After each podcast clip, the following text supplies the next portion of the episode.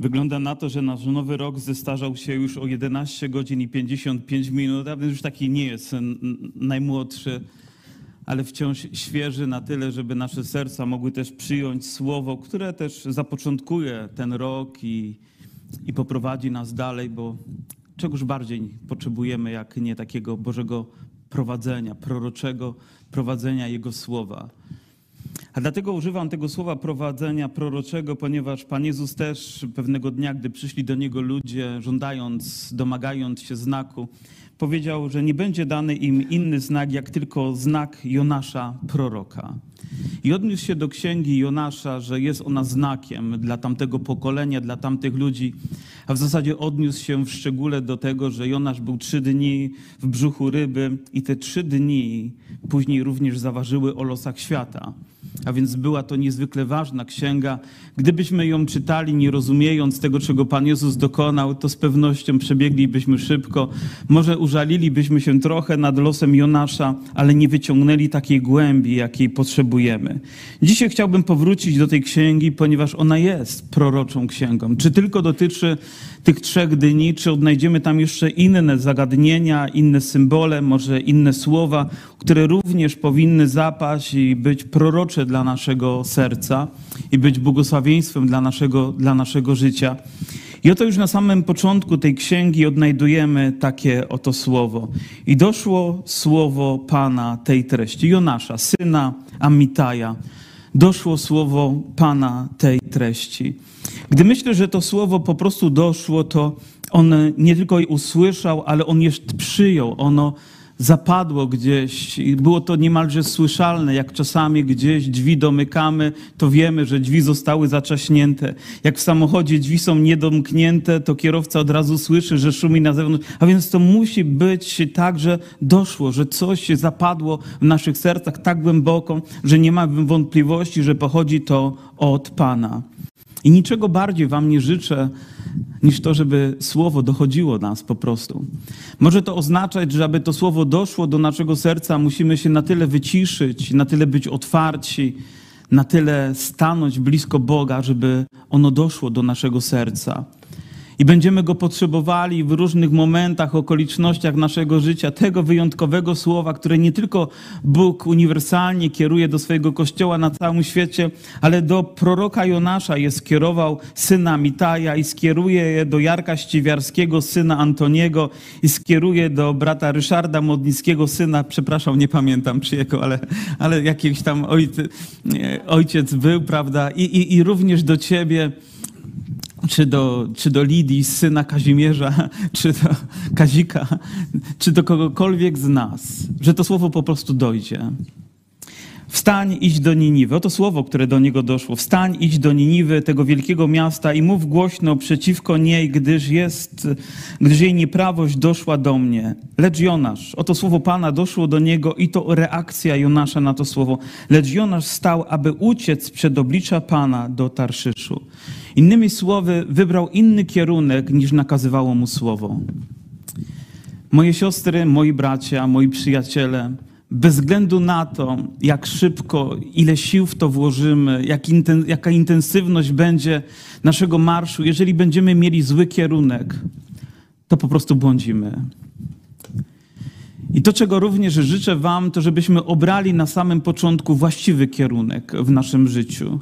Bo wiemy, że gdy postawimy kolejny krok, nawet w największym trudzie i poświęceniu, i bólu, i pocie czoła, i może z poświęceniem i ekonomicznym, i emocjonalnym, to wiemy, że że idziemy we właściwym kierunku, że zdążamy do celu, który Bóg nam wyznaczył. W przeciwnym razie oddalamy się od Niego, idziemy w niewłaściwym kierunku. Można by sobie zadać takie uniwersalne pytanie, czy Kościół dzisiaj podąża we właściwym kierunku? Tak? Czy, czy zbory pańskie podążają we właściwym kierunku? I myślę, że jestem zbyt mały, żeby odpowiedzieć na tak wielkie pytanie, ale myślę, że każdy z nas to pytanie nosi gdzieś w sercu odnośnie swojego życia, czy ja podążam we właściwym kierunku? A jeżeli nie, to powinienem ten kierunek zmienić. Może dzisiaj jest dobry czas, dobra chwila, by wyznaczyć sobie ten cel, który Bóg nam wyznaczył on już został objawiony. I apostoł Paweł w liście do Rzymian mówi, a za cel mam żywot wieczny, a więc miał wyznaczony kierunek i każdego dnia podążając zgodnie z tym, co Bóg mu wyznaczył, wiedział, że jest we właściwym, we właściwym miejscu i że wykonuje to, co jest zgodne z Bożą wolą. Bo jeżeli doszło Cię słowo Pana, a dochodzi to słowo Pana do naszych serc, czasami z wielką mocą, oby znalazło również wielką wiarę, mocny fundament w naszym sercu, po to, aby tam później Bóg mógł budować coś niezwykłego, coś wielkiego, godnego Jego imienia i Jego czci. Może dzisiaj warto odwrócić się od jakichś naszych emocjonalnych napięć, które nam towarzyszą, bo przecież takie one towarzyszyły również Jonaszowi, gdy mówił: Zaraz, mam iść do tego miasta, które zadało mojemu ludowi tyle bólu. To wiecie, to tak, jakby gdzieś w więzieniu siedział człowiek, który skrzywdził Twoich najbliższych, zadając im ból i cierpienie, a może nawet i śmierć, i to w takich tragicznych okolicznościach. A teraz Bóg Cię posyła do tego więzienia, byś Ty tych ludzi wyprowadził na wolność? Byś okazał im łaskę, zwiastując im Ewangelię. Wiecie, jaką walkę trzeba stoczyć, by pójść do wroga i powiedzieć mu dobre rzeczy? Myślę, że to nie jest łatwe. I być może będzie to kosztować cię również wewnętrznie, ale proszę, wybierz właściwy kierunek. Nie ze względu na mnie, nawet nie ze względu na siebie samego, ale ze względu na Jezusa Chrystusa. On wybrał właściwy kierunek. I gdy podążał tą drogą, ona nie była łatwa. Wiedział, dokąd go prowadzi. I gdy ten czas się przybliżał, myśl, myślę, jaki ból mu towarzyszył. Wiecie, współczuję Jonaszowi tylko w tym, że on nie znał Chrystusa tak jak my. My znamy Chrystusa, my znamy Jego dzieło, więc my nie musimy błądzić, nie musimy uciekać, ale wiedząc, że nasz Pan będzie razem z nami, będzie kierował, możemy zaprzeć się nawet samych siebie i podążać tą drogą, którą On jest dla każdego z nas, a wtedy będziemy wiedzieć, że podążamy we właściwym kierunku. Aleluja! A gdy tak się dzieje, gdy sprzeciwiamy się i zaczynamy uciekać, to pojawiają się konsekwencje. To tak samo jak Paweł e, mówi, nie ruszajmy w drogę, bo wiąże się to z niebezpieczeństwem, ale ludzie mówią, co tam będziemy Pawła słuchać? Jak tutaj właściciel statku albo sternik, tam ludzie wykwalifikowani wiedzą, że przecież ta droga jest możliwa do pokonania i spróbowali. Chcieli dobrze i wiecie, jak się skończyło. Wielką nawałnicą, wielkimi trudnościami zaczęli wyrzucać osprzęt statku, o mało nie zginęli. I apostoł Paweł mówi, a nie mówiłem? I w zasadzie za każdym razem, gdy dzieją się takie rzeczy, to możemy usłyszeć ten głos. Mówi, przecież Bóg mówił do nas. On już posłał swoje słowo. On już przekonywał nas, że ucieczka będzie wiązała się z trudnościami. Czy syn marnotrawny zdawał sobie sprawy, że oddalając się od domu ojca, zmierzając w złym kierunku, wpadając w złe towarzystwo, to myślał, że będzie lepiej? Wiecie, czy to nie jest naiwne? Czy to nie jest nawet głupie w ten sposób myśleć? Więc jeżeli oddalamy się, wybieramy zły kierunek, czy myślisz, że tym razem będzie inaczej? Że będziesz szczęśliwszy? Nie, nie będziesz. Jeżeli łamiemy to Boże Słowo, to Boże prawo dla naszego życia, to niestety pojawi się za chwilę taki ból, którego ty sam nie będziesz w stanie unieść. Ale jeżeli pojawi się ból, nawet gdy kroczysz Bożą drogą i On cię przygniecie, to Bóg i tak cię z niego wyprowadzi. I tak w swojej wielkiej łasce i mocy. A więc pojawiły się trudności. Pan zesłał silny wiatr na morze i zerwała się potężna burza. I myślę, że to jest opis historii wielu ludzi, którzy żyją dzisiaj. Tak, iż e, zdawało się, że okrętowi grozi rozbicie. Wtedy żeglarze przestraszyli się, każdy wołał do swojego Boga, bo jak trwoga to do i każdy miał swojego, prawda, Boga, a więc było ich wielu, panteon jest wielki, ale pośród całego tego panteonu jest tylko jeden żywy, święty Bóg. Jest tylko jeden żywy, święty Pan i my go mieliśmy łaskę poznać.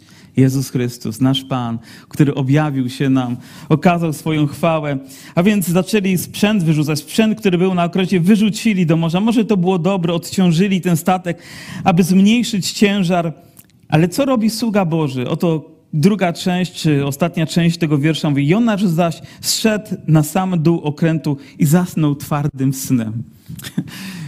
Ile razy sen odchodzi, kiedy coś przeżywamy? Ale on już chyba był tak zmęczony tym uciekaniem, że zszedł na samo dno i po prostu wyłączył się całkowicie. Jakby nie chciał tego przeżywać. Wiecie, w jaki sposób ludzie dzisiaj się próbują wyłączyć?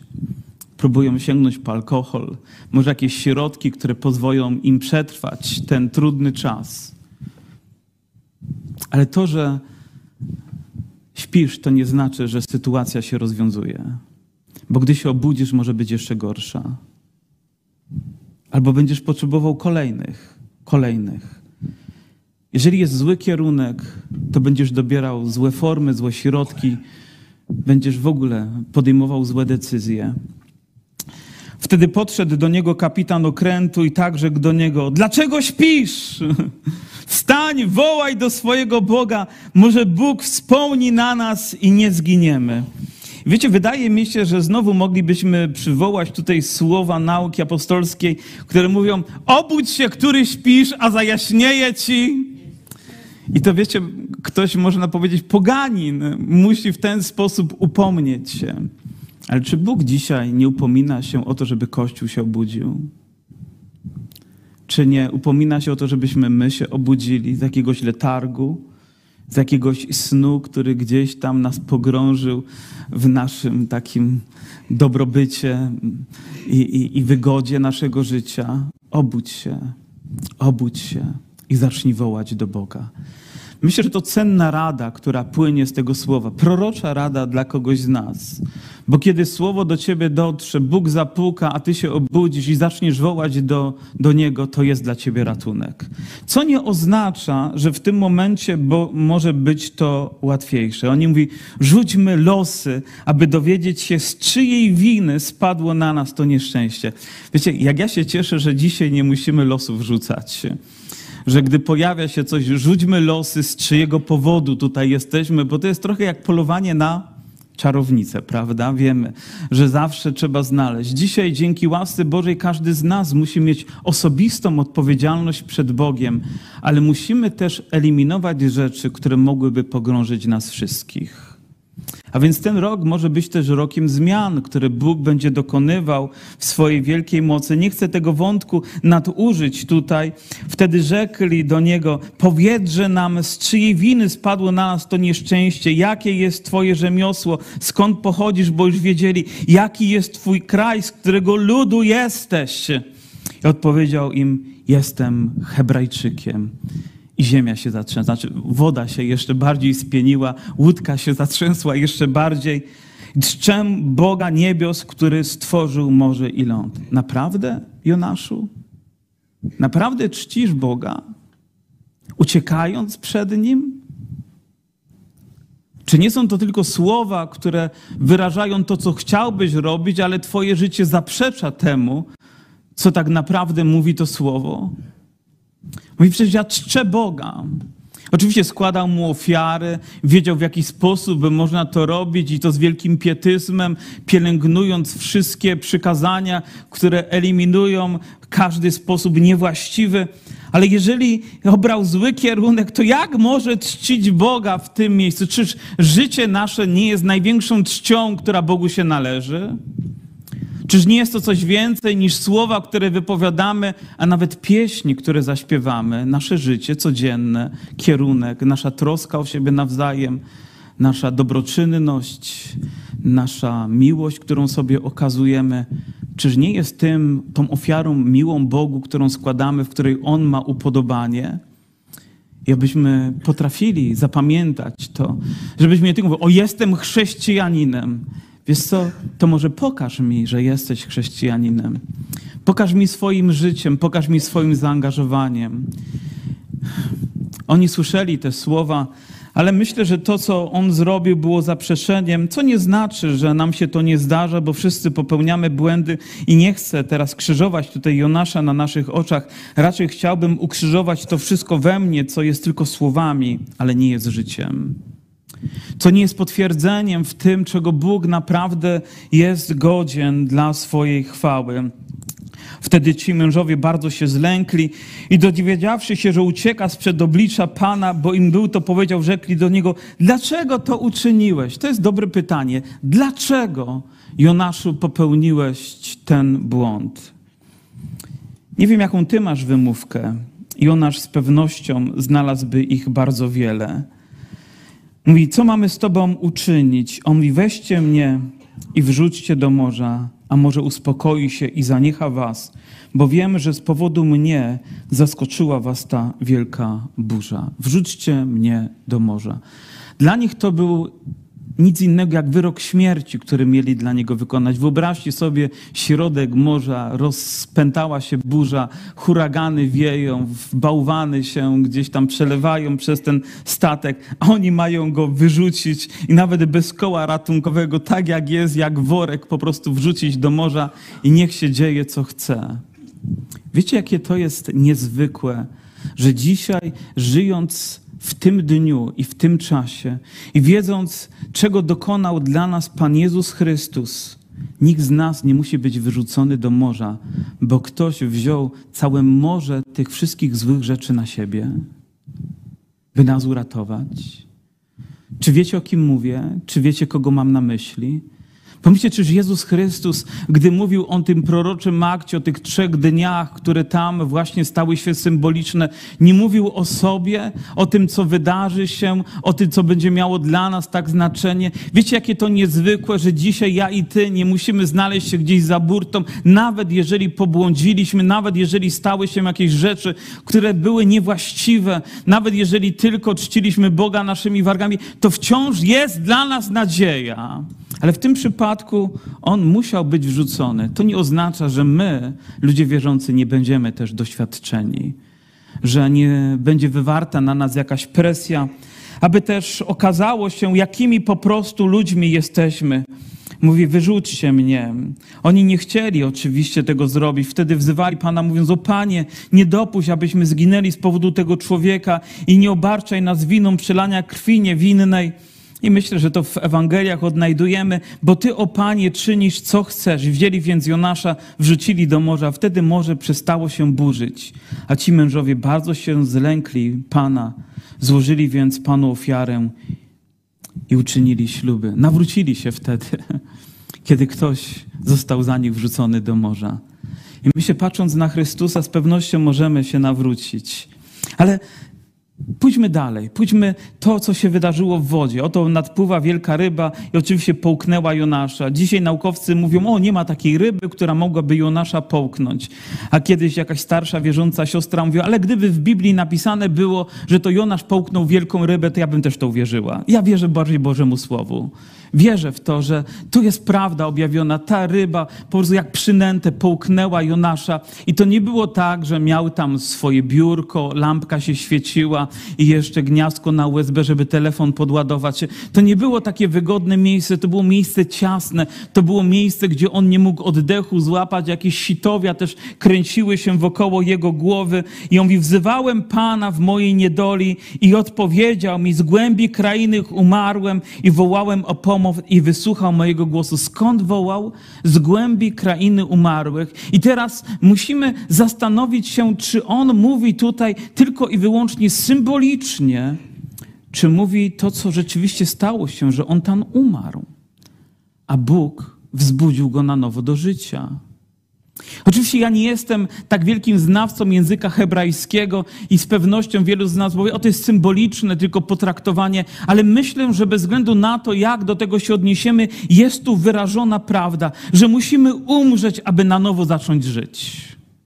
Że musi się dokonać coś tak radykalnego, byśmy na nowo powrócili na Bożą drogę, byśmy zaczęli w tej desperacji naszego serca i potrzebie naszego życia wołać do Boga z głębi krainy umarłych. Wołałem o pomoc i wysłuchał mojego głosu. I gdy usłyszymy takie modlitwy, takie wołanie, taki, ta, taki głos wyrywający się z naszej piersi, którego nic nie jest w stanie powstrzymać, Pan odpowie w swojej mocy odpowie. Odpowie na wołanie swojego dziecka. Wiecie dlaczego? Bo Bóg wciąż jest Bogiem kolejnej szansy. Nie potrafię tego zrozumieć. Ja nie wiem, czy dałbym sobie samemu nawet drugą szansę, ale On wciąż przychodzi i na nowo wyciąga w swojej łaskawości swoją rękę, aby nas podnieść i poprowadzić dalej. Powiedzcie, kto z Was się nie potknął? Kto z Was nie upadł? Kto z Was nie potrzebował kolejnej szansy? Ale potrzebujemy wołać do Niego i On to czynił. Już pomyślałem, jestem wygnany sprzed Twoich oczu. Jakże będę mógł jeszcze spojrzeć na Twój święty przybytek? Tęskni za tym, żeby znowu być w miejscu chwały dla Boga, ale zapomniał, że chwałą było wykonanie tego planu i Bóg rzeczywiście lituje się nad nim i daje mu tą możliwość, aby na nowo spełnił śluby Pana.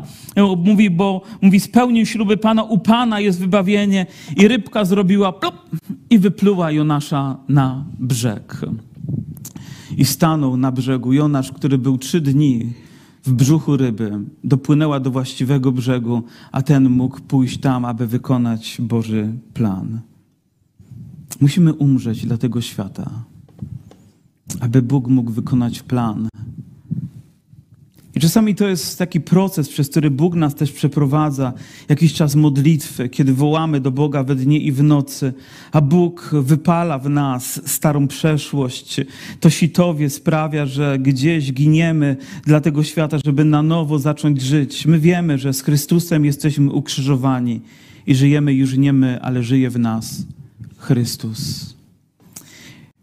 I oto trzeci rozdział zaczyna się takimi słowami, rozpoczyna się takimi słowami. Słowo Pana tej treści powtórnie doszło Jonasza.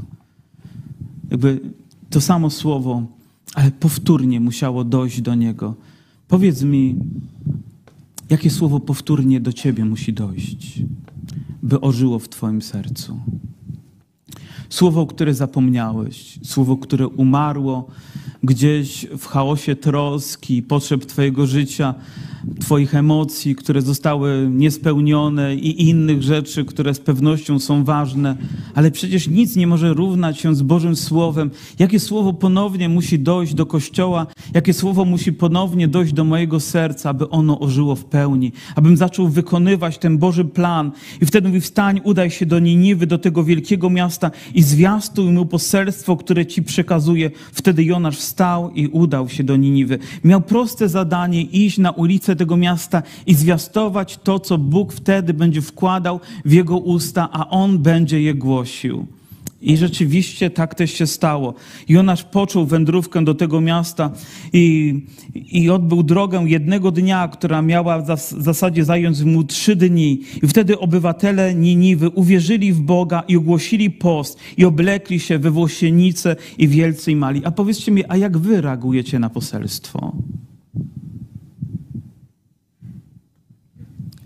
Oni oblekli się we włosiennice, zaczęli wołać do Boga, zaczęli pościć, pokutować. A jak my reagujemy? O, dzisiaj nie było tak radośnie, jak miało być. Może nie było tak emocjonalnie, jak miało być. Ale przecież tu nie chodzi o nas. Tu chodzi o Boga i o reakcję naszą na Jego słowo. A gdy wieść o tym doszła do króla Nieniwy, wstał ze swojego tronu, zdjął swój płaszcz i oblógł się we wchodzienicy i usiadł w popiele. Czy słyszycie to samo, co ja, że król wstał ze swojego tronu? Nawet nie powiedział, przynieście mi tutaj włosienicę i nałożę na swoje ubranie i tak symbolicznie tylko posypę się, ale on wstał z tego miejsca, w którym był, by zejść do ludzi, którzy byli tacy sami jak on. Dla mnie ten gest, który on wykonał, ale on oczywiście to nie był tylko gest na pokaz, to było coś, co było w jego sercu, jest tak niezwykłe. I może Bóg dzisiaj mówi do mnie, do ciebie, zejdź ze swojego tronu, bo nigdy na tron nie wkroczy Bóg. Bo nigdy On nie pojawi się tam w pełni, w takiej mocy, jak Ty, moja siostro i mój bracie, tego potrzebujesz. I On rzeczywiście stanął razem z ludźmi, a mało tego, nawet zwierzęta nie jadły. Zobaczcie, król doprowadził się do takiego miejsca, w jakim nawet zwierzęta stawały. I myślę, że to jest obraz, którego nie powinniśmy zapomnieć, że on powinien przykuć naszą uwagę i być może prowokować nawet nas do właściwych reakcji, ze względu na to, że Boże Słowo ma tak wielką moc. Nic innego nie robił Jonasz, jak tylko chodził po ulicy i zwiastował im Ewangelię, można powiedzieć dzisiejszymi słowami, poselstwo, które miało ich uratować, bo jeżeli tego nie zrobią, to przyjdzie na nich klęska, że wszyscy stracą z tego powodu życie. I oni uwierzyli. I nie czytam o tym, żeby nawet jakieś cuda dokonywał, żeby poświadczyć to. Nie uzdrawiał na ulicach, nie wyganiał demonów na ulicach i nie czynił innych rzeczy, nie rozmnażał chleba na ulicach, nie czynił tego, ale zwiastował poselstwo, a oni uwierzyli. A my mamy tego, który przyszedł i uzdrawiał wszelką chorobę i wypędzał demony i rozmnażał chleb. Obyśmy mu uwierzyli.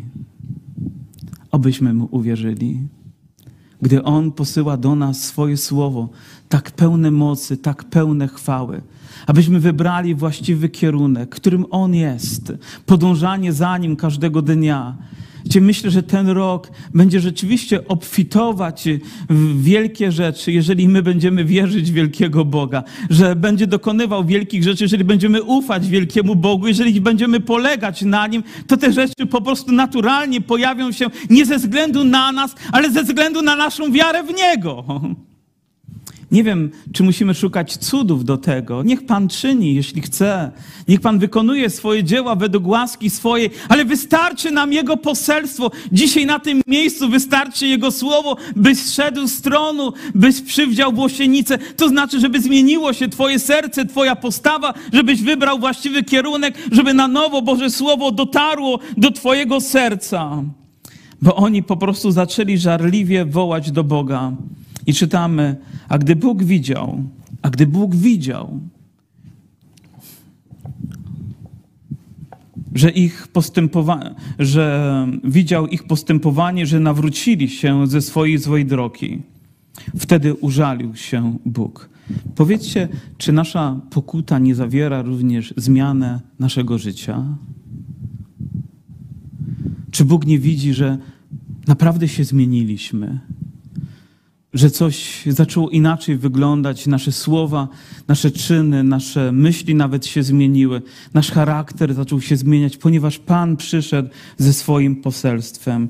I dochodzimy do czwartego rozdziału. I chcielibyśmy, żeby on rozbrzmiewał teraz jednym wielkim uwielbieniem, że Jona, że razem z nimi chodzi po ulicy, trzymają się za ręce, tańczą w kółku, wielbią Boga, podskakują, orkiestra idzie przodem i wielka chwała jest dla Boga, ponieważ okazał zbawienie. Przecież na takie poselstwo tak powinien zareagować sługa, ale tak nie jest. Jonasz, ba, Jonaszowi bardzo się to nie podobało, także się rozgniewał. Na kogo?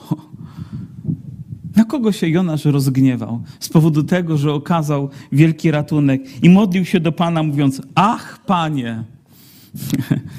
Ach, Panie, i to słowo z pewnością gdzieś rozbrzmiewa w nas, zwłaszcza to ach, jakby dał sobie prawo do tego, żeby ulżyć sobie. Mówi, no nie, czy nie, to miałem na myśli, gdy jeszcze byłem w mojej ojczyźnie. Dlatego pierwszym razem uciekłem do Tarszyszu. Wiedziałem bowiem, że Ty jesteś Bogiem łaskawym i miłosiernym i cierpliwym i pełnym łaski, który żałuje nieszczęścia Chwała Panu za to, że takim jest. Tylko jemu tak trudno było to zaakceptować, że Bóg takim jest. I znowu myślę o tym, czy są rzeczy, które mnie jest trudno zaakceptować, że Bóg takim jest, ale moja pobożność tego nie akceptuje? Że Bóg chce okazać więcej łaski niż, niż moja religijność mi na to pozwala, by przekroczyć te granice i poprowadzić mnie dalej. Ale Bóg takim jest. On rzeczywiście wyraża tutaj prawdę. Ty jesteś Bogiem łaskawym i miłosiernym i cierpliwym i pełnym łaski, który żałuje nieszczęścia. Moje siostry, moi bracia, to jest słowo dla nas. To jest słowo dla mnie. Ja jestem Niniwijczykiem, ja jestem człowiekiem, który potrzebuje takiego Boga pełnego łaski i dobroci. I chwała Mu za to, że On przychodzi, aby się takim okazać w moim życiu że okazał się w Twoim życiu, że okazało się wielkie wybawienie, bo wielu z nas macie tego świadomość, nie byłoby nas pewnie już nawet na tym świecie, nie byłoby nas tutaj, nie byłoby przy zdrowych zmysłach, nie byłoby w naszych szczęśliwych rodzinach, nie byłoby w pokoju i w radości, gdyby nie to, że nasz Pan jest łaskawy, że przyszedł i uratował nasze życie. I niczego bardziej nie powinniśmy pragnąć, za niczym innym nie powinniśmy tak bardzo tęsknić, aby inni mogli tego doświadczyć. Aleluja! I cieszyć się tym, a nie wyrzucać to Bogu, że inni. Czy człowiek wierzący może doprowadzić się do takiego miejsca rozgoryczenia, że na początku wszystko pała tak wielkim entuzjazmem w Twoim sercu cokolwiek widzisz, chodzisz, chwała Panu, halleluja, Bóg jest dobry, Bóg jest wspaniały, Bóg jest cudowny, Bóg okazuje mi łaskę każdego dnia i podskoczysz i salto i ręce w górze i modlitwa, halleluja. Ale później zmieniają się czasy, chwile i okoliczności. Ty nieco dojrzewasz, zaczynają ci się oczy otwierać na różne niedoskonałości innych ludzi, bo przecież nie twoje. I mówisz, że to wszystko nie ma sensu. Ten jest taki, a ta to już w ogóle. Jak on się w ogóle zachowuje? Jak to możliwe, żeby w domu pańskim kukiełki były? Albo inne rzeczy, żeby w ogóle się pojawiły. Jak to możliwe? Chciałbym pokutować z takiego sposobu myślenia, patrzenia na Boże dzieło. Nawet jeżeli to nie mieści się w mojej religijności, jeżeli w tym ma się objawić Boża chwała, to ja chcę tych nowych rzeczy. Jeżeli one mają pociągnąć młodych ludzi do Chrystusa, całe miasta mają być przeprowadzone, to może nie ten świat ma się zmienić, ale nasza postawa wobec tego świata musi się zmienić. Że nie tylko być rozgoryczonymi i patrzeć, jakie to jest złe i straszne, ale mieć rozwiązanie, mieć Boże Słowo, mieć nadzieję dla tego świata, a tą nadzieją jest Jezus Chrystus. I On wykona swoje słowo dla Twojego dziecka, dla Twojej córki, dla Twojego syna, dla Twojej żony, dla Twojego męża, dla nas samych, dla, dla całego narodu. Bóg ma zbawienie. Może chodzi tylko o to, byśmy my zmienili naszą postawę, patrzenie. Może więcej dziękczynienia, może więcej chwały. Czy myślicie, że tego dnia cała Niniwa stała się doskonała? Czy myślicie, że przestali plotkować? Że wszystko zaczęło tak idealnie wyglądać. Nie myślę, ale byli zbawieni. I to był powód do radości. To był powód do dziękczynienia. Otóż teraz, Panie, zabierz moją duszę. I to nie jest pogrzeb, nie? To po prostu słowa proroka. Zabierz moją duszę, bo lepiej umrzeć, aniżeli żyć. Jeżeli ktoś z Was miał takie słowa, i one dostały się do Twojego serca, zasiane przez jakieś zgorzknienie, jakiś ból, to ja chcę powiedzieć temu: idź precz, szatanie. Niech ta myśl odejdzie, bo jesteś powołany do tego, żeby żyć. Bez względu na to, jaka tragedia, jaka okoliczność wydarzyła się w Twoim życiu. Bez względu na to, w jakiej sytuacji się znalazłeś, jesteś powołany do tego, aby żyć. Amen? I będziemy, będziemy się z tego cieszyć. A Pan odpowiedział, czy to słuszne tak się gniewać? Dobre pytanie. Jonasz na nie odpowiada. Potem Jonasz wyszedł z miasta i zamieszkał na wschód od miasta i zrobił sobie tam szałas i usiadł w jego cieniu nie wiem dlaczego wschód, może tam góry były akurat i, i, i, tylko to, czy ma to jakieś inne znaczenie, szukajcie sami, aby zobaczyć, co się będzie dziać w mieście. Czy aby może nie stanie się tak, że jednak, że jednak przyjdzie na nich coś, nie? że jednak przyjdzie trzęsienie ziemi, albo jakaś lawina się na nich zleje, albo jakaś zaraza przyjdzie, albo cokolwiek innego. Zobaczcie, sługa Boży zamiast wypatrywać dobra, to ma nadzieję, że im się jednak nie powiedzie. Czyż nie czytaliśmy, że szukać Pana to równie szukać tego, co dobre? Czy nie tak mówi Amos? Że nie oczekujemy tego, co złe, ale oczekujemy tego, co dobre, że tą myślą powinniśmy żyć każdego dnia, oczekując, oczekując, bo jeżeli przestaniemy tego oczekiwać, to może zaczniemy naprawdę umierać. Jeżeli Kościół przestanie oczekiwać wybawienia, Jego dzieła, to zacznie umierać.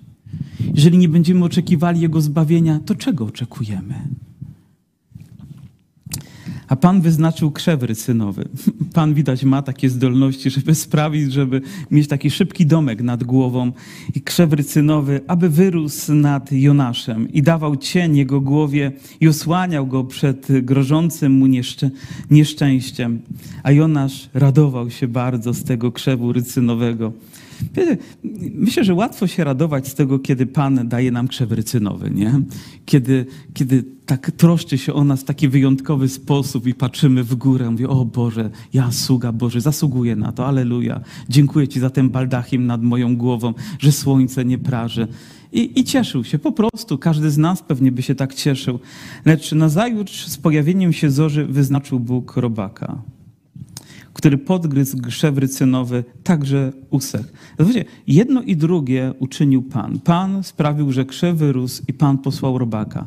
Za jedno z pewnością sługa Boży był wdzięczny, ale za robaka już nie.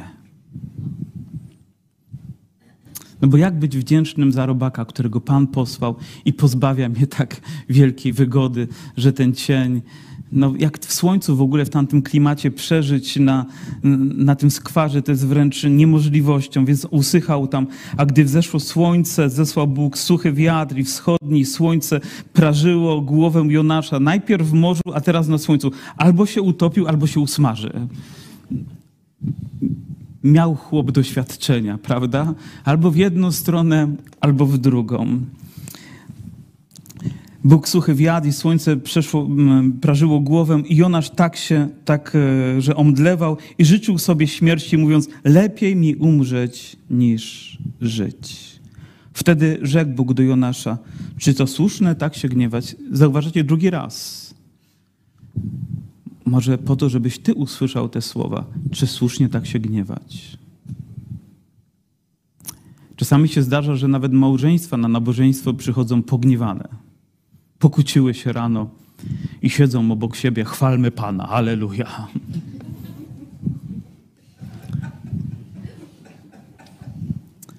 A Bóg mówi do ciebie, bracie, i do ciebie, siostro, czy słusznie tak się gniewać?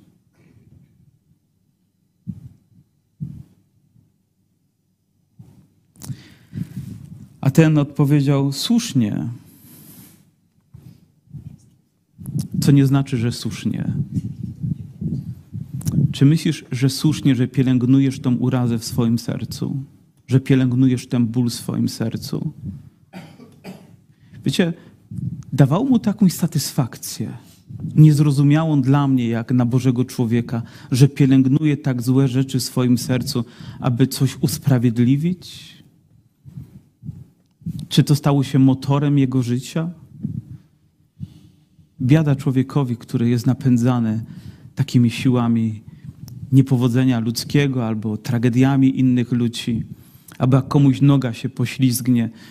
Większość filmów, które oglądacie gdzieś pewnie w internecie, to to jak komuś się nie powiodło, prawda? Niż tak się komuś powiodło. Jakby sprawia nam to większą frajdę i większą oglądalność ma niż te dobre rzeczy, które się pojawiają. Wtedy rzekł Bóg do Jonasza, czy to słusznie tak się gniewać? A ten odpowiedział, słusznie, jestem zagniewany i to na... Wiecie, nie ma takiej rzeczy, która wydarzyłaby się w, naszej rzecz, w naszym życiu, na którą Bóg by zasługiwał poprzez taką odpowiedź. Nie ma bez względu na to, jak ona jest trudna i bolesna. A Pan rzekł, Ty żałujesz krzewu rycynowego, koło którego nie pracowałeś i którego nie wyhodowałeś, wyrósł on w ciągu jednej nocy i w ciągu jednej nocy zginął, a ja nie miałbym żałować Niniwy, tego wielkiego miasta, w którym żyje więcej niż 120 tysięcy ludzi, którzy nie umieją rozróżnić między tym, co prawe, a tym, co lewe, a nadto wiele bydła. 120 tysięcy. Z pewnością już wiecie, bo kilka razy już z tego fragmentu zwiastowałem i dochodziłem do tego miejsca i zadawałem to samo pytanie, ile w Dąbrowej Górniczej mieszka mieszkańców? Kto z was wie? Około? Około 120 tysięcy. Ja myślę, że gdyby trzeba było obejść Dąbrowę Górniczą, również trzeba byłoby przynajmniej przez trzy dni, żeby ją obejść, bo naprawdę mamy dużą wiochę, nie? Żeby te, znaczy wszystkie te wioski obejść w koło. Ale jakby ktoś się rozpędził, to może w jeden dzień by ten maraton przebiegł, żeby mieć to z głowy. Ale Bóg ulitował się nad tym miastem. Czy wierzycie również tak jak ja, że Bogu zależy na tym mieście? Na ich mieszkańcach, na ich losie, na ich życiu? Więc na czym użalamy się my? I zabiera nam to czas i siłę, by pójść i pomóc temu miastu odnaleźć Chrystusa. Na czym? Co takiego skupiło Twoją uwagę i zacieśniło Twoje serce i może wprawiło Cię w rozgoryczenie, że zgubiłeś ten wielki, wspaniały obraz, który Bóg ma dla swojego ludu, by cieszyć się wybawieniem.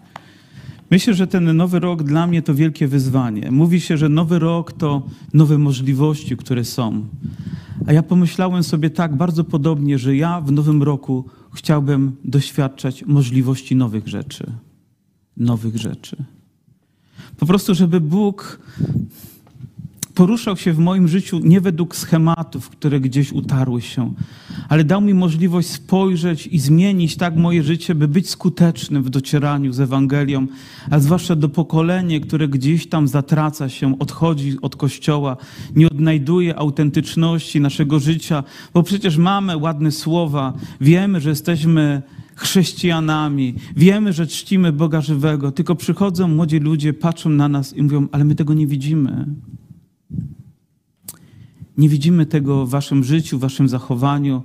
Może te dzieci nie widzą nawet w zachowaniu naszym, gdy kłócimy się w domu, gdy plotkujemy o innych ludziach, gdy nad naszym głowem jest krzew rycynowy, który staje się ważniejszy niż Boże dzieło i nasze dzieci to widzą. Panie, proszę uzdrów nas z tego. Panie, proszę zmień nasze życie. Ale chcę powrócić do jednej podstawowej też myśli z początku. Bóg przemówił do Jonasza, Słowo Boże doszło. On wybrał zły kierunek, ale ja dzisiaj namawiam Cię, wybierz dobry kierunek. Rozpocznij dzisiaj od dobrego kierunku. Tym kierunkiem jest Jezus, jest poznawanie Go, doświadczanie i prowadzenie. Bez względu na to, ile miałoby Cię to kosztować po drodze, ile razy będziesz musiał zaprzeć się samego siebie, z czegokolwiek będziesz musiał zrezygnować, to wierzę, że będzie Ci towarzyszyła Boża radość ze wszystkiego, co będziesz wykonywał dla Jego chwały. Gdy przejdziesz przez to, nie będziesz smutny, gdzieś oddalony poza miastem, ale będziesz razem z ludźmi cieszył się tym wielkim dziełem, które Bóg wykonał. Ja wciąż słyszę, jaki to Kościół jest zły, w czym zawodzi. Ja widzę też również różne rzeczy, które mają miejsce i również mnie smucą, ale nic mnie tak nie smuci, jak utrata ludzi, którzy idą na zatracenie. Nic bardziej. Nic głębiej nie porusza mojego serca niż świadomość tego, że mogę się zamartwiać i użalać i być pełny żółci i boleści, zamiast wykonywać Boże dzieło i cieszyć się, że mój Bóg jest dobrym Bogiem, pełnym miłosierdzia i łaski i okazuje ją ludziom, którzy na to nie zasługują, bo zrobił to przecież również ze mną. Jemu za to należy się chwała. Amen? Moja siostro, mój bracie, nie mam dzisiaj lepszego słowa zachęty dla Ciebie niż to, żebyś postawił pierwszy krok wiary we właściwym kierunku. Nawet nie wiesz, co to jeszcze oznacza w pełni, ale gdy postawisz ten krok, Bóg ci objawi. Może to oznaczać radykalną zmianę w Twoim życiu, fundamentalną zmianę, ale proszę uczyń to. Uczyń to aktem wiary. Powiedz, Boże, usłyszałem dzisiaj to poselstwo, tak zrozumiałem historię Jonasza. Nie chcę tak jak on uciekać, ja chcę podążać za Twoim głosem, wykonywać Twoją wolę i cieszyć się tym wszystkim, co Ty będziesz wykonywał również przeze mnie. Tak się cieszę, że nie musimy tonąć przez trzy dni w wodzie, bo ktoś za nas. Przez trzy dni był w grobie i zmartwychwstał i żyje, byśmy my mogli żyć całą pełnią Jego możliwości, całą pełnią Jego łaski, Jego chwały w tym zgubionym świecie, okazując Mu to wszystko, co nasz Pan przez nasze ręce, nasze usta, nasze serce, nasze życie, naszą społeczność, nasz Kościół, nasz zbór chce okazać. Aleluja. Pochylmy nasze głowy na chwilę.